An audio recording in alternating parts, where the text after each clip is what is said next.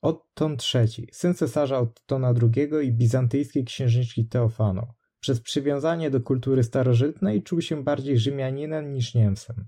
W roku 999 osadził na tronie papieskim swego nauczyciela Gerberta jako Sylwestra II. W roku 1000 odbył pielgrzymkę do grobu świętego Wojciecha w Gnieźnie. Utworzył tam arcybiskupstwo i uznał niezależność polityczną Polski. Przedstawił wizję zjednoczonej Europy podzielonej na cztery równoprawne części Italię, Galię, Germanię i Słowiańszczyznę.